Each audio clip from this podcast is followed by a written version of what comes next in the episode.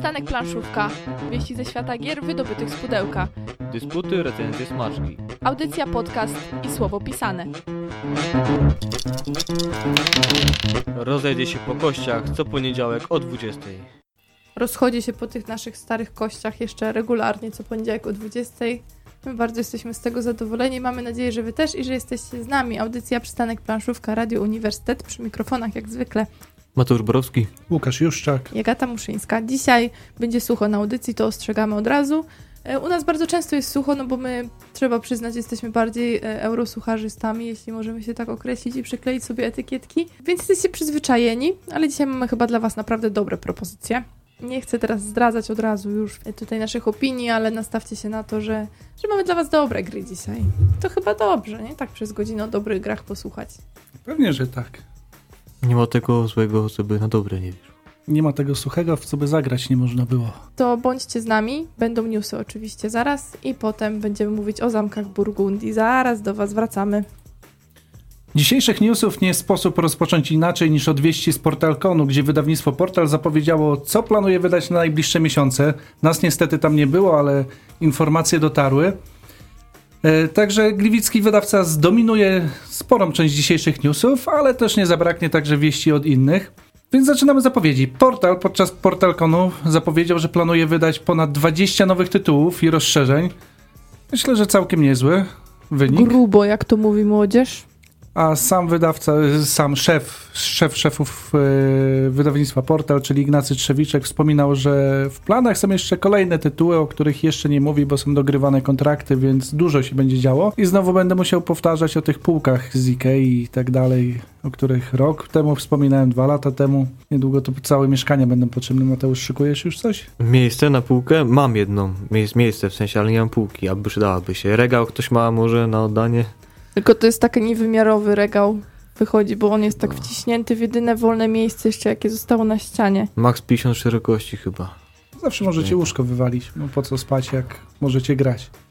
No albo stół, nie? I lodówkę, po co jeść, skoro można grać. Właśnie, możemy sprzedać łóżko, kupić na przykład e, szpiwory i więcej gier się zmieści. O, Albo hamak. Hamak. O, ładnie się ten będziecie bujać nad grami. No ale zacznijmy od tych newsów. 30 marca. 30 marca ukazać się ma Rising Sun, czyli kickstarterowy hit Erika Langa. W tej grze przenosimy się do starożytnej Japonii, by walczyć o wpływy na wyspach i przychylność bóstw oraz duchów. Rising Sun reklamowany jest jako następca Blood Rage'a, także dość mocne uderzenie. Graliście w Blood Rage'a? Tak. Jakie Tak. wrażenia? Jedna z moich ulubionych gier, w których występują figurki.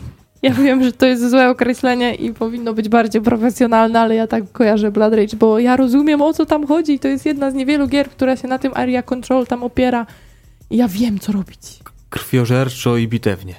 A widziałam ostatnio figurki pomalowane do Blood Rage. Boże, ale to było piękne. No to może pędzelek i jechane. Ale tak jak pisanki jednym kolorem całe, czy jak? Właśnie Nie wiem, ja bym bardziej ważyła, wierzyła w wasze pędzelki, bo u mnie to kiepsko, nie jestem dokładna wcale, niestety. To Ja polecam Marcina z naszej audycji. On, te malowanie dokładne figurek i tworzenie figurek, to tak. Ja jakbym pomalował, to byś nie wiedziała, co to jest. To lepiej tak zamoczyć do góry nogami, pff, farbę, No, to wyschnie. tak by wyszło mniej więcej.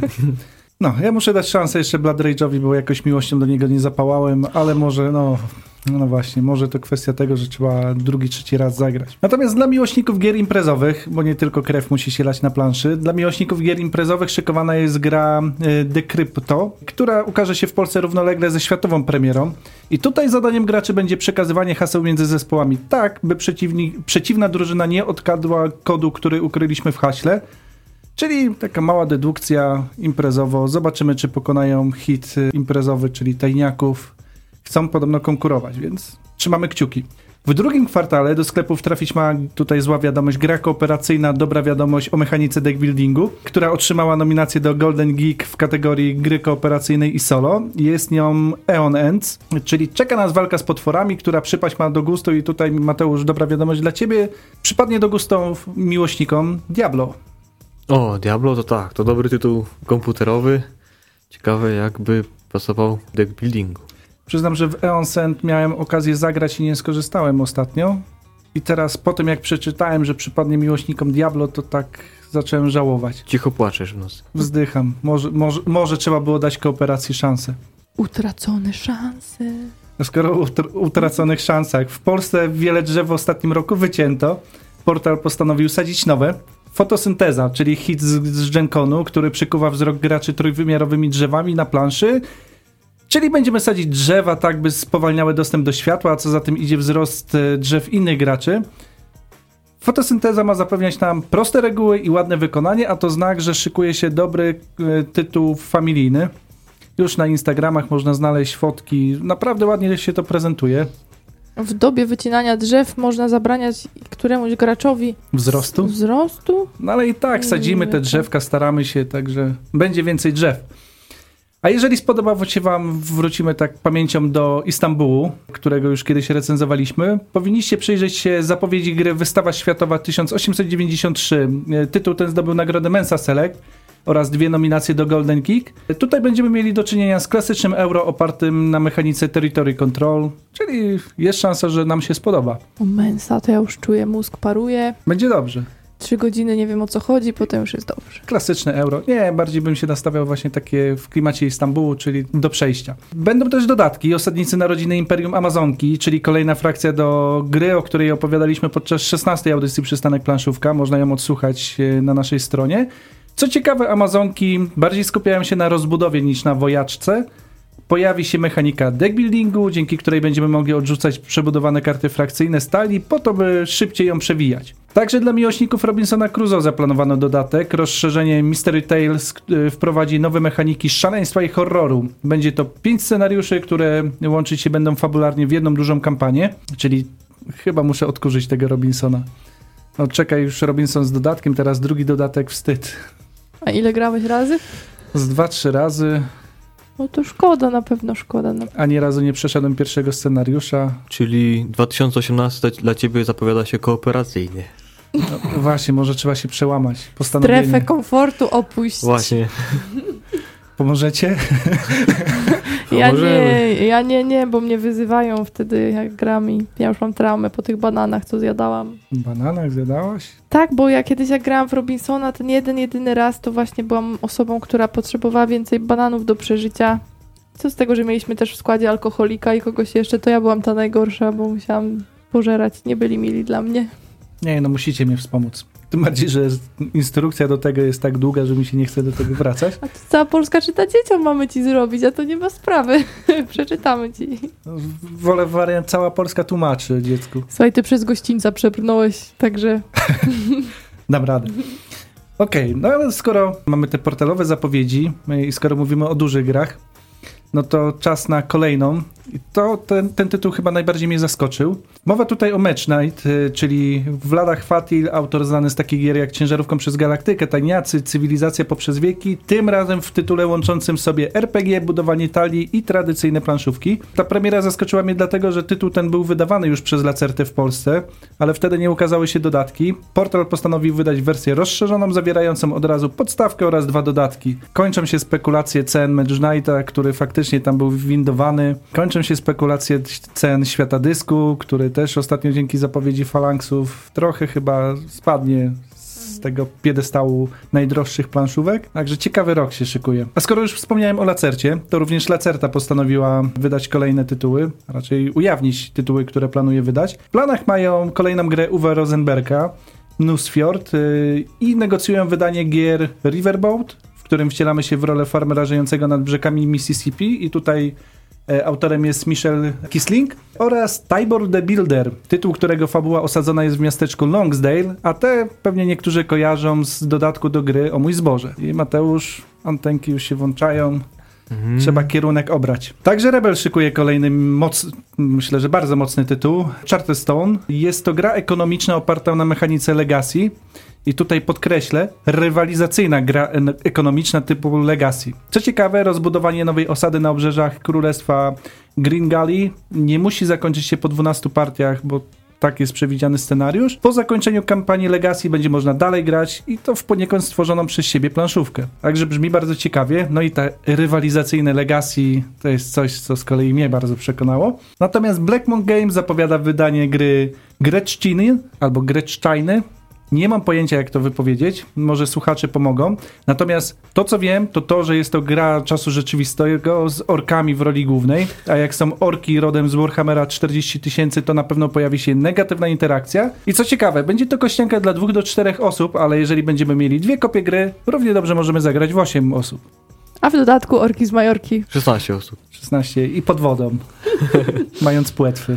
Sucho dzisiaj będzie, sucho. E, już w środę do sklepów trafić ma nowa gra wydawnictwa Hobbity. Loot Island przenosi nas do XVII, XVII wieku na jedną z wysp Oceanu Indyjskiego, nad którą ciąży klątwa. Gdzieś na tej wyspie ukryty jest skarb, jednak każdy z graczy posiada tylko fragment mapy, więc aby zdobyć ten skarb musimy kooperować i rywalizować, bo jak na piratów przystało, nie wystarczy świadomość tego, że wspólnie odnaleźliśmy skarb, pirat chce jak najwięcej tego skarbu dla siebie. Natomiast nie samymi zapowiedziami żyje człowiek, tych zapowiedzi jest więcej. Właśnie, wejdźcie na stronę portalu, tam są wszystkie ich zapowiedzi na ten rok, ich jest naprawdę trochę, trochę więcej. O niektórych już wspominaliśmy mm, na poprzednich audycjach, jest też kilka nowych, Także warto się zainteresować. Natomiast z premier, które w tym tygodniu miały miejsce, do sklepów powróciła gra Nippon.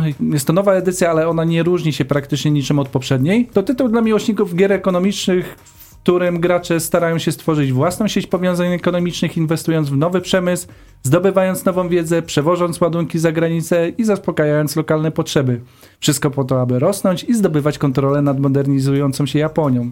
Brzmi jak suche, piękne euro. Natomiast tych, którzy chcą więcej emocji i niestraszne im jest ratowanie świata, zapraszamy do leśnej dziury, gdzie wybuchła niemała panika. Eksperymentalne szczepy wirusów wydostały się z probówek i zagrażają ludzkości. Ktoś musi uratować świat przed pandemią. Tym kimś możecie być wy. A to wszystko dzięki grze Wirus, która ukazała się nakładem wydawnictwa Tref Kraków, czyli kolejny imprezowy tytuł, o którym pewnie będziemy kiedyś więcej mówili. A jeżeli nie mówili, to pewnie przeczytacie na przystanku planszówka. I kilka wieści ze świata crowdfundingu. Na Wspieram to trwają kampanie, o których już wspominaliśmy. Możecie przyczynić się do wydania gier The Walking Dead edycja polska, Cthulhu Rise of the Colts oraz Królowie Osiedli. Niestety, żaden z tych tytułów nie osiągnął minimalnego progu niezbędnego do ufundowania, zatem tym bardziej wszystko w waszych rękach. Niektóre kampanie dobiegają końca, więc wspierajcie. Dużo lepiej radzi sobie Valhalla, która zbliża się do progu 300 tysięcy złotych. Przypominamy, że kampania jest prowadzona na nowej platformie Zagram w to. Jeżeli chodzi o polskie sukcesy, nie można nie wspomnieć o Kickstarterze. Nemesis zebrało już ponad 3600% wymaganej kwoty i ma na koncie ponad 2,5 miliona dolarów czyli ponad 20 tysięcy osób wsparło ten projekt. Natomiast UBOT The Board Game zebrało już ponad 600 tysięcy dolarów, zatem w obu przypadkach możemy mówić o naprawdę niemałym sukcesie. Wielkie gratulacje dla autorów i wydawców. Otwierajcie szampany. I to tyle niż. A, jeszcze mamy dzisiaj dzień, dzień łamigłówek. Łamigłówek dzisiaj. Tak. Logicznych. Mi przypomniało o tym wydawnictwo G3 na swoim e, profilu facebookowym wam kalendarz Rebela. Tak jest. To jaką łamigłówkę polecamy słuchaczom? Tylko nie waszego autorstwa, bo to możemy nie przeżyć tego. No, dzisiaj na audycji będziemy o takiej łamigłówce mówili. No wybrnąłeś, wybrnąłeś, to szanuję bardzo. Dobra, zaraz do was wracamy i mówimy o zamkach Burgundii. Przystanek planszówka. Wieści ze świata gier wydobytych z pudełka. Dysputy, recenzje smaczne. Audycja, podcast i słowo pisane. Rozejdzie się po kościach co poniedziałek o 20.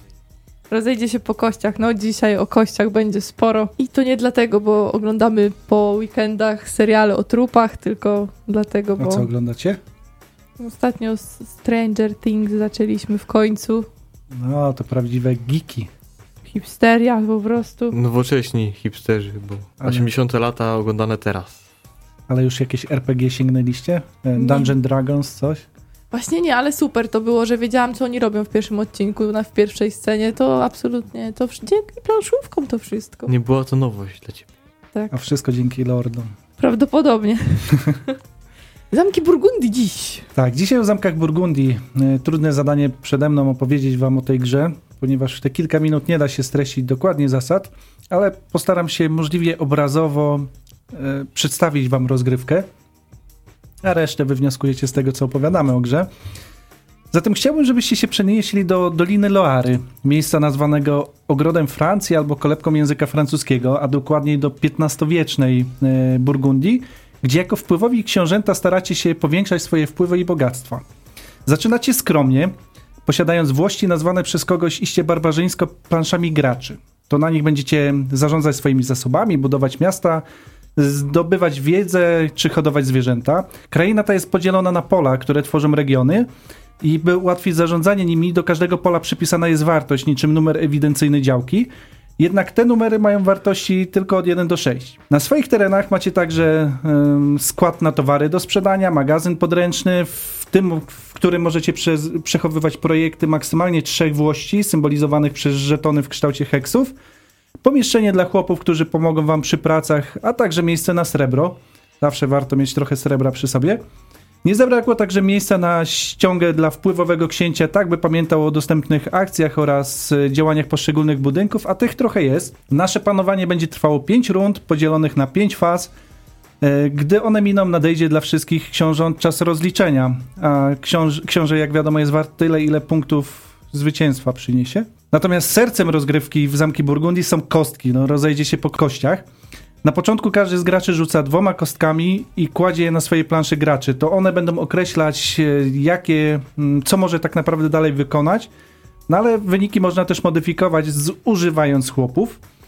Dzięki nim możemy na przykład pobrać żetony włości do magazynu podręcznego. Pamiętajmy tylko, że tam mogą się mieścić maksymalnie 3 żetony.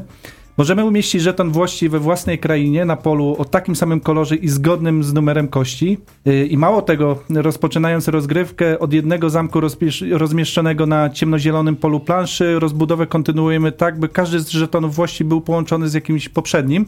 No ale to się da na szczęście łatwo uzasadnić, ponieważ wiadomo, że komunikacja między naszymi podwładnymi musi być zachowana.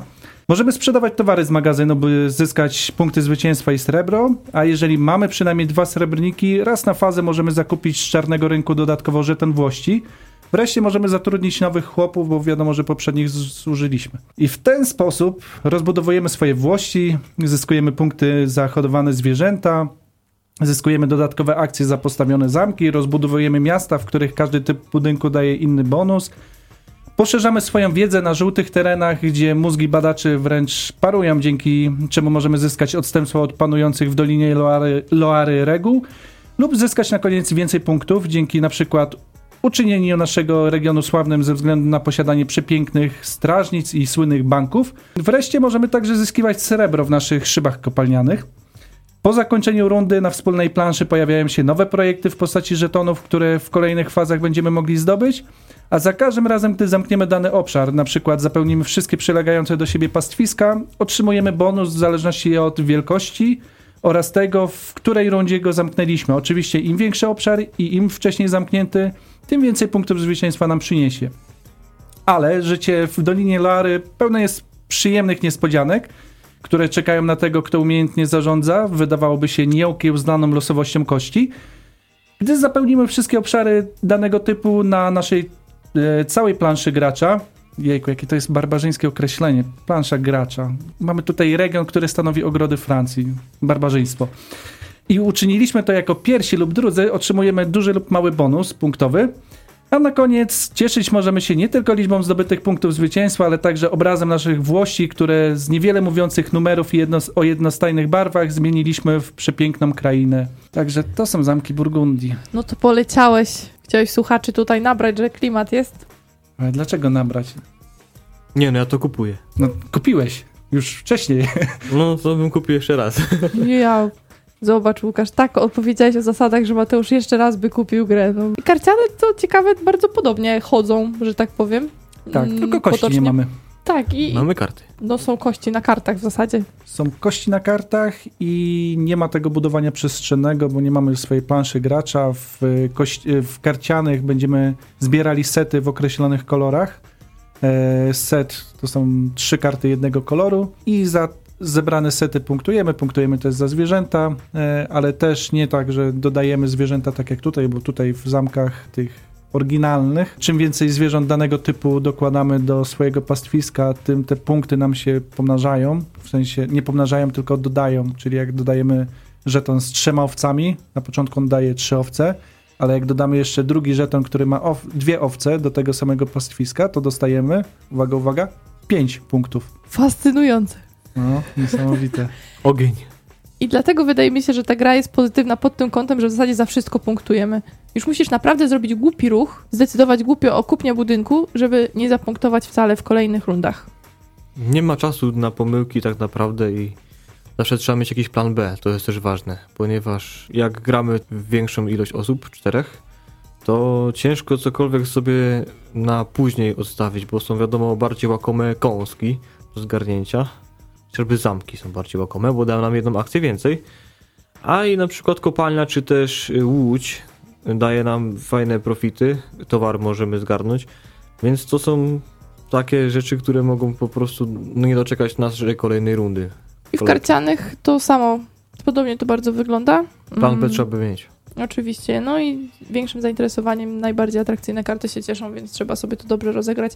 Mm, Tak samo jest z tym punktowaniem w karcianych, bo jakieś benefity lepsze są na początku. Tak zupełnie jak w tej wersji dużej. Im dalej ta gra się toczy, to, to już nie będą te korzyści takie duże z naszych sukcesów. Czyli trzeba być kozakiem od początku, a nie tam gdzieś na końcu. E, Chciałbym powrócić do jednego aspektu. Mhm. Mateuszu Agato. Hmm? Czy w zamkach Burgundii widzicie klimat? Bo jakoś tak Agata szybko przeszła do wrażeń. Bo co będziemy mówić o czymś, co w zasadzie nie istnieje? No, to byście musieli pomilczeć 5 minut. Możemy to zrobić. Ja bym taki załącznik dał w, w postaci twojej, twojej wypowiedzi tak do każdego pudełka, wtedy żeby podsycić klimat. O, to tak, to by się nadało. Właśnie, bo na pewno, ale początek instrukcji na pewno coś tam mówi o No, o wspaniałościach tak, tutaj Dolina tej Loary Loary. i tak dalej. XV-wieczna, rozbudowujesz włości, włości Ja nawet nie wiedziałam, że tam wiedzę jakoś się zdobywa w tych kafelkach. Który to jest kafelek, Żółte. powiedz mi. To są Aha. kafelki wiedzy. Wychodzisz na dwór czy na pole? No, zależy, co zbudujesz. Jak naj, najpierw na pole, potem dopiero jak zbudujesz sobie ładne miasteczko, no to na dwór.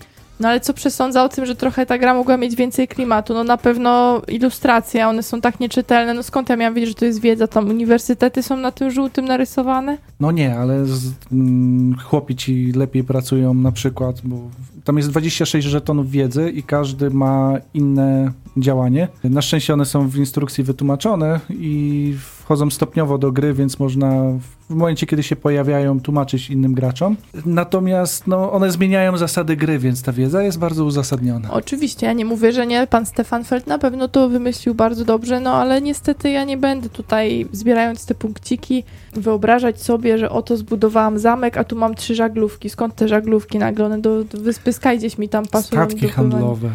No dobrze. No właśnie dlatego, jak widać, klimatu tutaj nie będę szukała wielce i nawet nie o to chodzi mi, jak siadam do tej gry.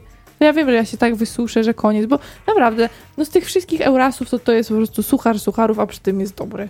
Statki statkami, ale trzeba przyznać, że nie ma jakiejś przewagi danego żetonu nad każdym, nie wiem, że jakiś jest gorszy. Nawet zwierzęta tam, jak się gromadzi, to jest coś gorszego niż budynki na przykład.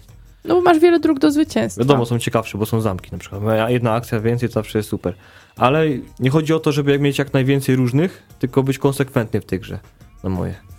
Iść ciągle na przykład zwierzęta, iść na przykład w budynki. Tak stwierdziłem, że tak jak się jest konsekwentnym lepiej to wychodzi. No bo szybciej zamykasz te regiony, a faktycznie zamknięcie ich w pierwszych turach Skutkuje daje bonusem, Ten, no. I to całkiem fajny bonus. Nie? No, także mamy grę, która chyba jest jeszcze suchsza niż e, Królestwo w budowie i Dominion.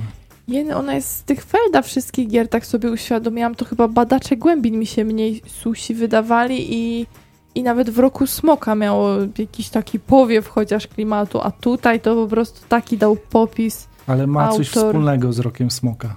W tym samym roku wróciło do nas, tak? Znaczy wróciło w tej Też. wersji I one odnowionej. mniej więcej chyba w tym samym czasie były wydawane. Mhm. To nie chciałbym 2.11? skłamać. Zaraz, zaraz sprawdzę. Natomiast dziesięciolecie w Roku Smoka było, więc nawet trochę wcześniej. E, natomiast one są równie brzydkie. A powiedziałbym więcej. Zamki Burgundii są jeszcze brzydsze. I z takim uśmiechem Łukasz to mówi, szkoda, że Państwo tego nie widzą. Tak, nie da się ukryć. Zamki Burgundii nie powalają, jeśli chodzi o ilustrację. I co ciekawe, bo one mają teraz odnowione wydanie. Dlaczego tutaj nie zadziałano czegoś z tą szatą graficzną? Dlaczego? Kogo mogę pytać? Fanatycy turpizmu. No nie nie dość, że te zameczki... Znaczy, ona nie jest brzydka, nie można powiedzieć, że jest taka totalnie brzydka. No jest schludnie wydana, wszystko jest z nią w porządku, tylko po prostu no nie zachwyca, jak to otwieramy. I te budynki, ja naprawdę ich nie odróżniam. Jeżeli słuchacze jeszcze nie grali w Zamki Burgundii, nie widzieli ich na oczy, zapraszamy na e, nasz fanpage. Tam Agata pokazuje karcianom i tą pierwszą wersję. Ale okładkę tylko. Okładki. Więc tak... I W środku Sprawdźcie, nie jest czy- lepiej. Sprawdźcie, czy ta okładka was przekonuje. Znaczy, No, no sama okładka nie, no wiesz, jak ją zostawimy na półce z różnymi innymi kolorowymi okładkami gier nowoczesnych, planszowych, to no, ona nie będzie się za bardzo wyróżniać. Może to jest tak po prostu, że nie jaramy się zbytnio sztuką, nie wiem. Macie jakieś wybitne obrazy w domach powieszone? Jakieś takie, takich autorów, twórców, malarzy? Znaczy, obraz, który mam kilka obrazów w domu powieszonych. Jeden to jest bydgoskiego artysty Pawła Dymerackiego, zresztą pozdrawiam. Obraz, który uratowałem. I ten obraz bardzo chętnie powiesiłem. Mam obrazy członka mojej rodziny, Marty Rosenthal-Sikory, a tej okładki bym na pewno nie powiesił. No ona jest przeciętna. No jest właśnie taka artystyczna, trzeba to może poczuć. No dobra, ale co, Concordia, chętniej byś na Concordię popatrzył na okładkę. Nie, no to jest ten sam poziom.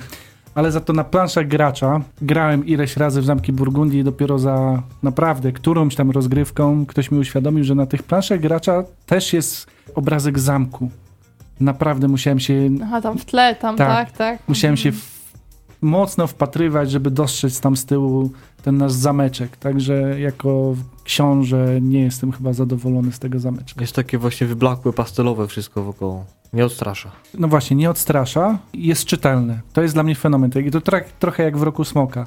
Przez to, że nie są jakieś pstrokate i tak dalej, wszystko łatwo, jak już się przyzwyczaimy do ikon, to naprawdę się wygodnie gra i nic nam nie umyka. No może kolorystyka, zielony, ciemny, zielony, jasny i żółty czasem może się komuś mylić, jak ktoś jeszcze ma w ogóle problemy z kolorami, ale jest brzydkie, no kurczę. Czyli co? Jak chcemy zachęcić kogoś do zamku w Burgundii, to w zasadzie dobrze, że chcemy, bo sam by po to nie sięgnął absolutnie. Mhm. Szata graficzna nie jest w stanie przekonać kogoś, żeby tutaj usiadł do Felda, chyba że już go zna i po prostu wie, że coś w środku może jednak go zachwycić. To jak z książką chyba, no jak widzisz brzydką okładkę z żółknięte strony, jeszcze papierową taką, taki szary papier na tym, że zakrywa wszystko, to tak niechętnie, nie, nie, nie, nie Mhm. pociąga wzrokiem. Ale jak już się otworzy, zacznie się grać i poczuje się tą mechanikę, która jest no genialnie zrobiona, to idzie nie jedną, drugą partię zaraz zagrać, trzecią, czwartą, często ląduje na stole. Piękne jest niewidoczne dla oczu. Wiecie, no książki celebrytów na przykład są piękne na okładce, a w środku nic nie ma i z grami planszowymi też tak może być. To prawda, ale pewnie to są kwestie jakieś licencyjne, ale dlaczego pan Feld nie zgadza się na mm, przerysowanie tej gry? Mhm. No szkoda. Naprawdę szkoda. Tym bardziej, że temat też jakoś nie zachęca. No mówmy się, gra o dokładaniu włości na planszę, kafelków włości, które tak naprawdę To już było. nie, że to już było. Ta gra mogłaby być o wszystkim i o niczym, w sensie takim, że równie dobrze mogłaby być, nie wiem, o sadzeniu różnych rodzajów pól, bo na ziemi gliniastej taki kolor rosną takie zboże, na Mhm. ziemi jakiejś tam czarnoziemi będzie ci rósł zamek, to znaczy jakieś inne zboże i tak dalej, i tak dalej. Można sobie... Nie tędy droga. Teraz jest Mars popularny, robimy na Marsie. O, O, właśnie. też sucho. No ale przecież w terraformacji Marsa też mamy te heksy i tak sobie je układamy na, na Marsie, więc jakoś No to by to dało radę przekleić. Z wersji Bur Burgundii. Burgundian Mars. No terraformacja też mnie nie zachwyciła wizualnie, ale to jest brzydsze. No zdecydowanie uważam też, że, że brzydsze, no nie poradzimy nic na to. Także jak kiedyś będziemy robili topkę najbrzydszych gier, to wiadomo co będzie w moim top 3. Okej, a jak zrobimy topkę najgorszych okładek, to będziesz musiał zrobić top 20. Taki krytyczny jestem? No nie wiem, ale wydaje mi się, że więc więcej będzie gier, które mają fatalne okładki, a w środku jeszcze jakoś idzie je No tak, odratować. 10, części, Wspomniana Concordia. 10 części Dominiona. 11. No w środku też jest brzydki. Na tej warstwie wizualnej się skupiliśmy Wyżyliśmy mocno. się. Dobra, wszyscy wiedzą, że jest brzydkie. No właśnie, ja myślę, że słuchacze już dawno to wiedzą, że to już komentarze się pojawiły przed tym, jak zaczęliśmy o tym mówić, także dziękujemy Szymonowi, Ale że Mateusz- wspomniał za nas. Mateusz, miałeś rację, 2011 rok, Zamki Burgundii. Także Ta-da. dobra pamięć. Nie, to nie jest dobra pamięć. To była losowa data wyciągnięta i akurat trafił na pewno. Akurat Z kości wypadła. Okej, brzydka gra, a jednak wracacie do niej, gracie w nią po trzy godziny czasami, w pełnym składzie. Kiedy można grać w różne inne rzeczy, to my wyciągamy suchara. I dlaczego? Co takiego genialnego, Mateusz? Powiedziałeś, że genialna mechanika. No i co w niej takiego genialnego? Niesamowita regrywalność. Praktycznie plansze, te brutalnie nazwane przez ciebie, Łukaszu, gracza, zamiast mi, Brutalnie. tak, włości nasze są dwustronne, warto zaznaczyć. w tej wersji klasycznej, oczywiście nie karcianej, bo tego jednak nie mamy. Są dwustronne, więc y, nasz teren inaczej się kształtuje. To daje nam też oczywiście ilość wa wariacji, którą możemy zagrać. A i rozłożenie tych towarów, które będą dochodzić, a te kafelki, które będą mm, w obszarze głównej planszy do naszego zakupu, wszystko jest tak losowe, że ciężko będzie zagrać nam drugi raz taką samą partię. No właśnie, ale to brzmi strasznie, jest tak losowy. Oj, w sensie w losowe przy rozkładaniu, a nie w losowości takiej, że kompletnie my jesteśmy losowo, rzucamy kostkami i dzieje się co, co nam się wyrzuci. E, Tu właśnie pomaga to, że mamy ilość tych robotników, którzy pozwalają nam balansować na kościach, czyli jeden robotnik daje nam plus jeden lub minus jeden na danej kości oczko, a jak mamy 6, damy plus jeden, przekręcamy na jedynkę, więc można kościami, kośćmi dowolnie Mhm. obracać, zależy jak mamy tych robotników nazbierane u siebie w zasobach. Więc to nie jest takie w stosunku do nas samych bardzo losowe. Poza tym sam pomysł tej planszy, o którym wspominałeś, jedno to to, że mamy różne układy, ale te numery działek, o których wspominałem, czyli numerki od 1 do 6, które tak naprawdę determinują nam, czy będziemy w danym miejscu mogli położyć kafel, czy, yy, żeton włości, czy, czy też nie. One sprawiają, że jak zaczniemy sobie odpowiednio to rozbudowywać, to tak naprawdę zwiększamy swoje możliwości z każdym kolejnym ruchem, bo to ta posiadłość nam się rozrasta. E, A co za tym idzie, sąsiaduje z coraz większą liczbą innych posiadłości, więc też jest dużo więcej takiego kombinowania. Czyli robimy kolejną straszną rzecz, tak jak to powiedziałeś, Łukasz, mówiąc o zasadach. Nie wiem, czy zauważyłeś sam zużywanie chłopów. Tak, to było.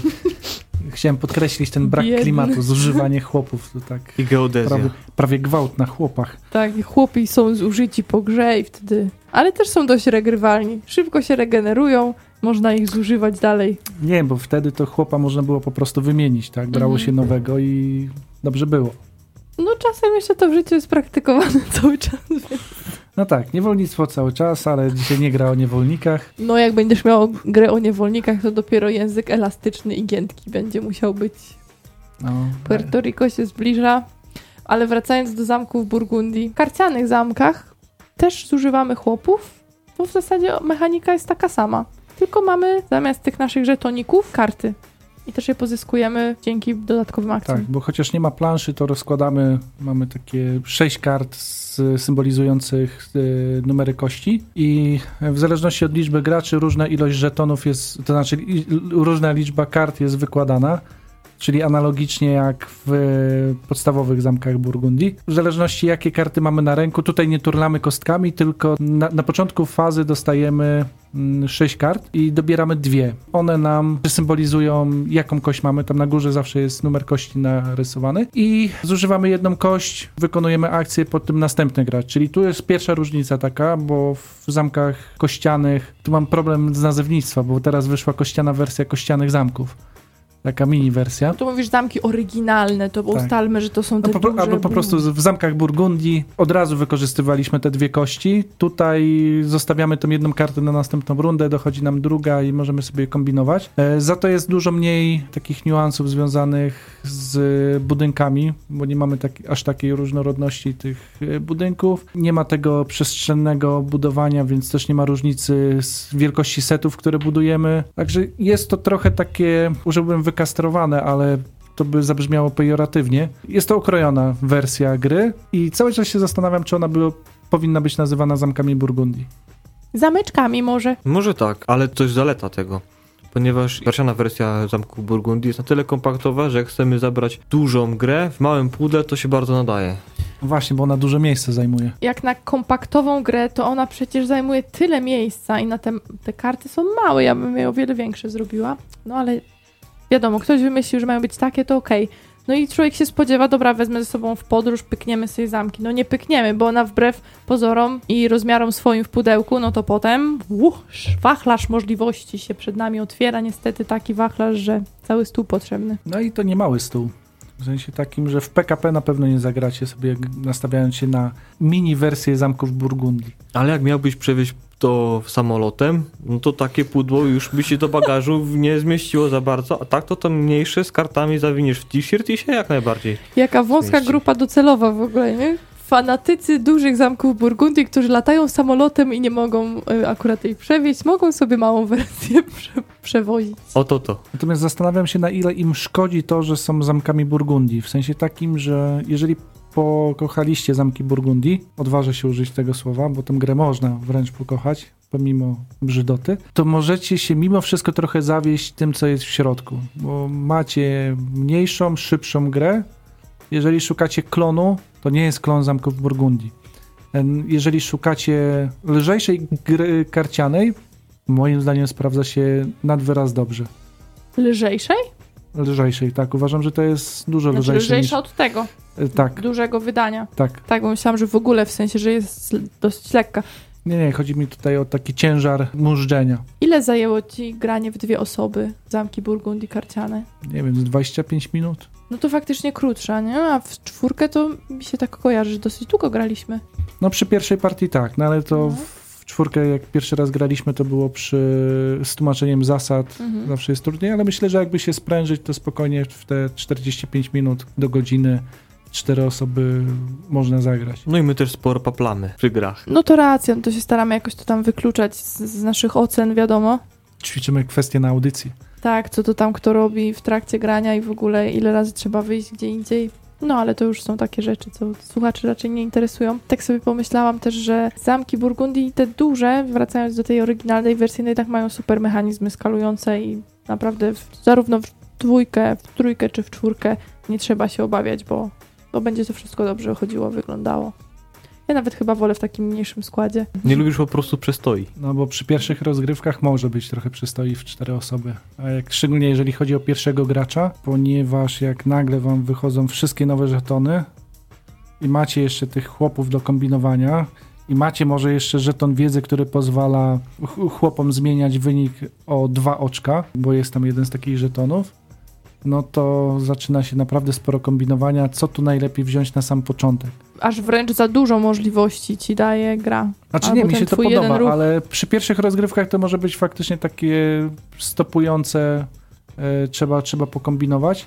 Mówię, to jest ten moment taki, kiedy przechodzimy do następnej fazy, zmienia się wszystko na planszy tej głównej, Po prostu gracz siedzący pierwszy ma więcej danych do przeliczenia, zanim ruszy. a jeżeli jeszcze lubicie liczyć, dużo liczyć, to faktycznie wbrew pozorom tutaj jest co liczyć. Słuchajcie, spotkałam się z opinią, że jest trochę negatywnej interakcji, wręcz nawet bardzo dużo negatywnej interakcji w zamkach Burgundii, bo ciągle podpatrujesz, co tam gracz robi obok i czy jemu by czegoś nie sprzątnąć sprzed nosa, na jaką strategię on idzie i bardzo chętnie się przeszkadza.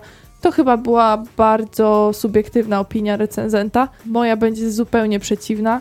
Nie zdarzyło mi się chyba patrzeć nikomu jego poletek jego, ta, jak to powiedzieliście, w planszę gracza brutalnie, tak? Żeby sprawdzić, w którą stronę on idzie, bo jestem tak skoncentrowana na tym, co ja robię. Ale to może wynika z tego, że nie mam podzielności uwagi w takich trochę cięższych grach.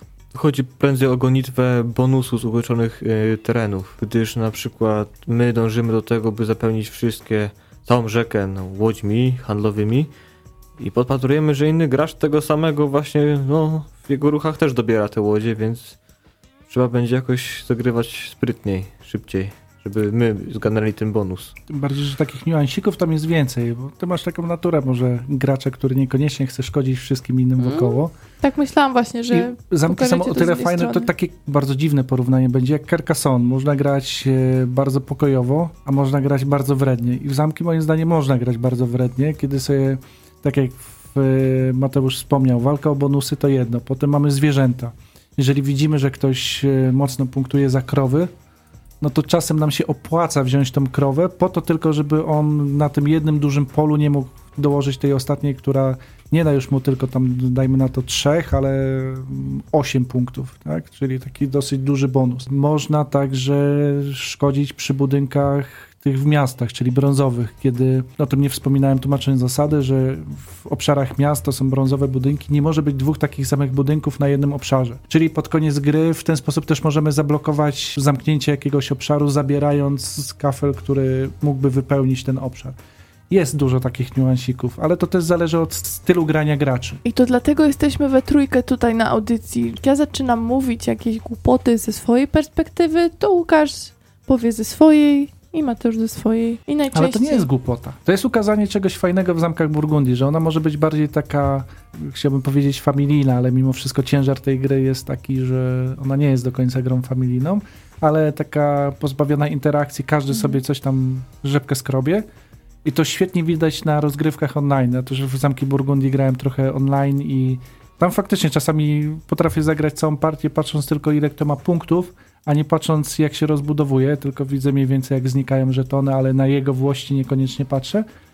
E, A czasem właśnie człowieka bawi to, że może poanalizować, pokombinować, który ruch będzie taki optymalny i sobie poprzeliczać to wszystko. Jeśli jak, jakimś cudem ktoś nie grał w Zamki Burgundii, to komu byście najbardziej polecali? Bo już powiedzieliśmy, że niby karciane to jest taka gra dosyć lekka, ale tylko w porównaniu z tą dużą. W porównaniu z jakimiś karciankami z takiej półki dla średnio zaawansowanych, to już nie będzie tak całkowicie przy tych najprostszych grach leżała. Myślę, że zaczniemy od polecania tej karcianej. Mi bardzo przypomina o mój zboże. Karcianka. I to będzie na podobnym poziomie skomplikowania? No moje tak, ponieważ nawet samej, same budowy, sama, sama budowa kart jest taka, że jest wielozadaniowa. To mamy tu i tu i tak samo rozrasta się. Jedna gra się rozrasta, nasz ta, ten ryneczek rośnie po mój zboże. Tutaj z kolei nasze posiadłości też. Wiem, te karciane to ja przede wszystkim najpierw bym chyba poleciła tym, którzy już mają za sobą oryginalną wersję dużą. Będzie prościej je zrozumieć, wydaje mi się. Bo ona tak przy pierwszym spotkaniu to nie będzie chyba zbyt intuicyjna. Właśnie słyszałem kilka takich opinii i Mhm. mam problem z tym. Mi faktycznie w te duże, w małe zamki w- przyszło o tyle łatwo, że już znałem duże i jest dużo podobieństw. Jest identyczna oprawa graficzna, niestety, ale no mimo wszystko nie uważam, żeby to była jakaś bardzo trudna karcianka. Owszem, to nie jest może szósty bierze czy sabotażysta, to już, już trochę level wyżej, ale mimo wszystko taka gra, w którą idzie w te 10 minut wytłumaczyć takim graczom, którzy już coś grali, w końcu uda im się jakąś piękne ogrody Loary wybudować. na stole. dalej swoje, dalej swoje, uparty, no po Jestem prostu. zafascynowany, że ta gra jest o takim re- regionie. O, jeszcze tam wino produkują. Chociaż e, tutaj smutna wiadomość, e, wina w Burgundii podobno coraz mniej, ponieważ e, winogrona, było kilka takich słabszych lat winogron. Ale dzięki temu, jeżeli macie gdzieś schowaną butelkę wina z Burgundii, niektóre podobno potrafią kosztować obecnie nawet 3000 dolarów, więc To już będzie mi prościej zbudować klimat do grania w zamki Burgundii. Na pewno wino otwieramy i gramy. A dużą, oryginalną, jak to dzisiaj mówiliśmy podczas audycji grę, to ja na pewno fanom Felda, jak ktoś już się zetknął z którąś z jego gier, u nas to nie była pierwsza, w jaką graliśmy, żadnego z nas, to naprawdę trzeba spróbować, bo myślę, że to będzie w top nawet trzy wiesz co, jego ja się gier. zastanawiam, czy to nie była moja pierwsza gra Felda, w jaką grałem. Naprawdę? No, no chyba w nic wcześniej, ani w Badaczy Głębin, ani w Amerigo, ani w Wyrocznie, czy Wyrocznie Delficką. w roku smoka. W Romę też chyba później grałem. Także to chyba będzie pierwsza jaką. I No Boże. I, I tak to mówisz, że taka takie- brzydka, a ona była pierwszą twoją. pierwszą moją i to naprawdę od początku mnie zafascynowała. Jest niesamowita, no to trzeba powtarzać w kółko, ale jest sucha i hermetyczna. W sensie takim, że właśnie komu bym polecił eurosucharzystom, czyli osobom, które lubią optymalizację przy planszy, ale dopuszczają pewną losowość, bo tutaj ta losowość moim zdaniem jest takim zbawieniem, bo to nie jest tak ciężki tytuł jak Badacze Głębin. W sensie przynajmniej ja nie mam takiego paraliżu i konieczności łączenia tych abstrakcyjnych reguł w jedną całość. A to naprawdę bardzo tutaj sprawnie działa ten zegarek. Ja myślę właśnie, że nawet tacy wrogowie, powiedziałabym, losowości nie będą aż tak mocno pokrzywdzeni grając w to. Tak Mentalnie pokrzywdzeni, wiecie, nie? Jak ktoś już tak totalnie się nie zgadza na losowość. No tutaj można z używaniem kłopów, jak to malowniczo powiedział dzisiaj Łukasz, naprawdę sobie z tym świetnie poradzić. Więc tak jak powiedziałeś, zbawienie, bardzo dobra nazwa. Dlatego no, my z czystym sumieniem akurat polecamy. Minusami będą na pewno ta szata graficzna, która mogłaby być atrakcyjna, no ale jakby nie, nie wpływa to w żaden sposób na, na rozgrywkę, mam wrażenie. No może być to kłopotliwe, jeżeli ktoś, nie wiem, nie rozróżnia kolorów. Ten szary z takim, powiedzmy, brązowym, zlane z żółtym, może być to kłopotliwe naprawdę. Budynków nie będziecie za bardzo rozróżniać, to już mogę z góry powiedzieć. To ma tam bardziej wprawne oko, to będzie, ale no, no nie, nie rzuca się to tak mocno w oczy. Ta cała mechanika, która jest tak doskonale pomyślana, sprawi, że na dalszy plan po prostu odłożymy te, te nasze opinie o tym, że, że gry są po prostu niezbyt atrakcyjne wizualnie. To prawda, ale sprzedać ją myślę trudno. To jest to, na czym tracą zamki Burgundii. Mo mogłoby myślę jeszcze szerzej gdzieś się w różnych Mhm. kręgach rozchodzić. No bo gdybym był sprzedawcą, mimo wszystko trudno by mi było zachęcić. Proszę wejść w zamki Burgundii. Gra, w której zakochasz się w jej mechanizmach. No tak, coś, coś musi być jednak wizualnego. No kupujemy wzrokiem, nie da się ukryć wiele rzeczy i tutaj nie będą miały wiele do powiedzenia. Wzrokiem, fabułą, no fabuły Mhm. tutaj też zero. Nie? Łatwiej tą grę byłoby sprze- sprzedać komuś, kto już grał w coś Mhm. tego typu. O, wypierw wypytać i polecić, ale jako pierwszą planszówkę w ciemno, że ktoś chce coś większego, to, no, to, ciężko. Marketingowo, atrakcyjnie, no nie wypada dobrze. Nie jest to hit. Ale mimo wszystko cieszę się, że Rebel zdecydował się na wydanie po polsku. Wcześniej można było po prostu korzystać z instrukcji, która gdzieś tam była w sieci, bo gra jest niezale- niezależna językowo. No ale zawsze to, że jest polski tytuł, polski opis na pudełku też wiemy, że wpływa na sprzedaż gier. Jakkolwiek geekom by się to dziwne nie wydawało, nawet takie tytuły jak Wsiąść do pociągu zyskały w Polsce dzięki temu, że wyszły nie jako Ticket to Ride, tylko Wsiąść do pociągu. Tak mam nadzieję, że i tutaj na sprzedaż wpłynie mm, to pozytywnie. No i że dobra nowina, którą głosimy, też zachęci różne osoby. To jest naprawdę bardzo dobra gra. I jedno, co mnie dziwi, to to, że nie mam jej w swojej kolekcji. A mogliśmy ci przywieźć egzemplarz z gramy. Czy no z gramy do mnie trafiły zamki karciane? No. Przyznam, że jak dostałem telefon z gramy, słuchaj Łukasz, jest, e, są zamki do wzięcia tam za nieduże pieniądze, to stwierdziłem, a weź kuzyn. Najwyżej będzie coś do tak Do krytycznym, spalenia w piecu. kry- krytyczną recenzję się napisze, będzie można się wyżyć, że zamki były takie fajne, a tutaj karciana taka, taka sobie. Natomiast zawiodłem się i muszę powiedzieć, że gra jest dobra. To jeszcze przed nami teraz kościany. Kościany, kościany, tylko z kości Tylko złożone, tego nigdzie tak? dostać nie idzie, bo już też się rozglądałem, bo mnie tak kręci, żeby to spróbować, żeby już cały tercyt egzotyczny poznać, ale Mamy słuchaczy z wieloma wtykami na pewno, więc jak coś będą wiedzieli, to nam powiedzą. będzie nam miło. Grajcie w Zamki Burgundii. Zamki Burgundii są spoko. Jak chcecie się wysuszyć, czy tak jak Maciej sugerował w komentarzu na Facebooku, żeby na przykład pranie wysuszyć sobie, to to jest absolutnie dobra gra do tego. Więc, więc grajcie i delektujcie się, szczególnie jak lubicie Felda i szczególnie jak takie mechanizmy, zazębianie się i fajne rzeczy z wieloma możliwościami was pociągają w planszówkach. Zamki to jest rewelacja. Pomimo braku klimatu, pomimo brzydoty, piękna gra. Żeby gra była dobra pomimo brzydoty i tego. Znaczy- Weźcie zamki do zamku. Taki kościany dominion, tak pod względem emocji, które we mnie wywołują. O, to dobrze po- powiedziałeś, bo już to porównanie było tak szerokie, nie wiedziałam, gdzie to zahaczyć tu. Dobra, my wracamy do Was za tydzień w kolejny poniedziałek, jeszcze zimowy. Już wiosna coraz bliżej, już też na niej wypatrujemy, ale tymczasem jeszcze będziemy sobie w te takie wieczory zimowe z Wami tutaj biadolić przy mikrofonach, także bądźcie z nami. Oczywiście podcast już niebawem pojawi się na YouTubie. Mówili dzisiaj dla Was Mateusz Borowski. Łukasz Juszczak. i Agata Muszyńska i były z nami Zamki Burgundii. Do usłyszenia za tydzień.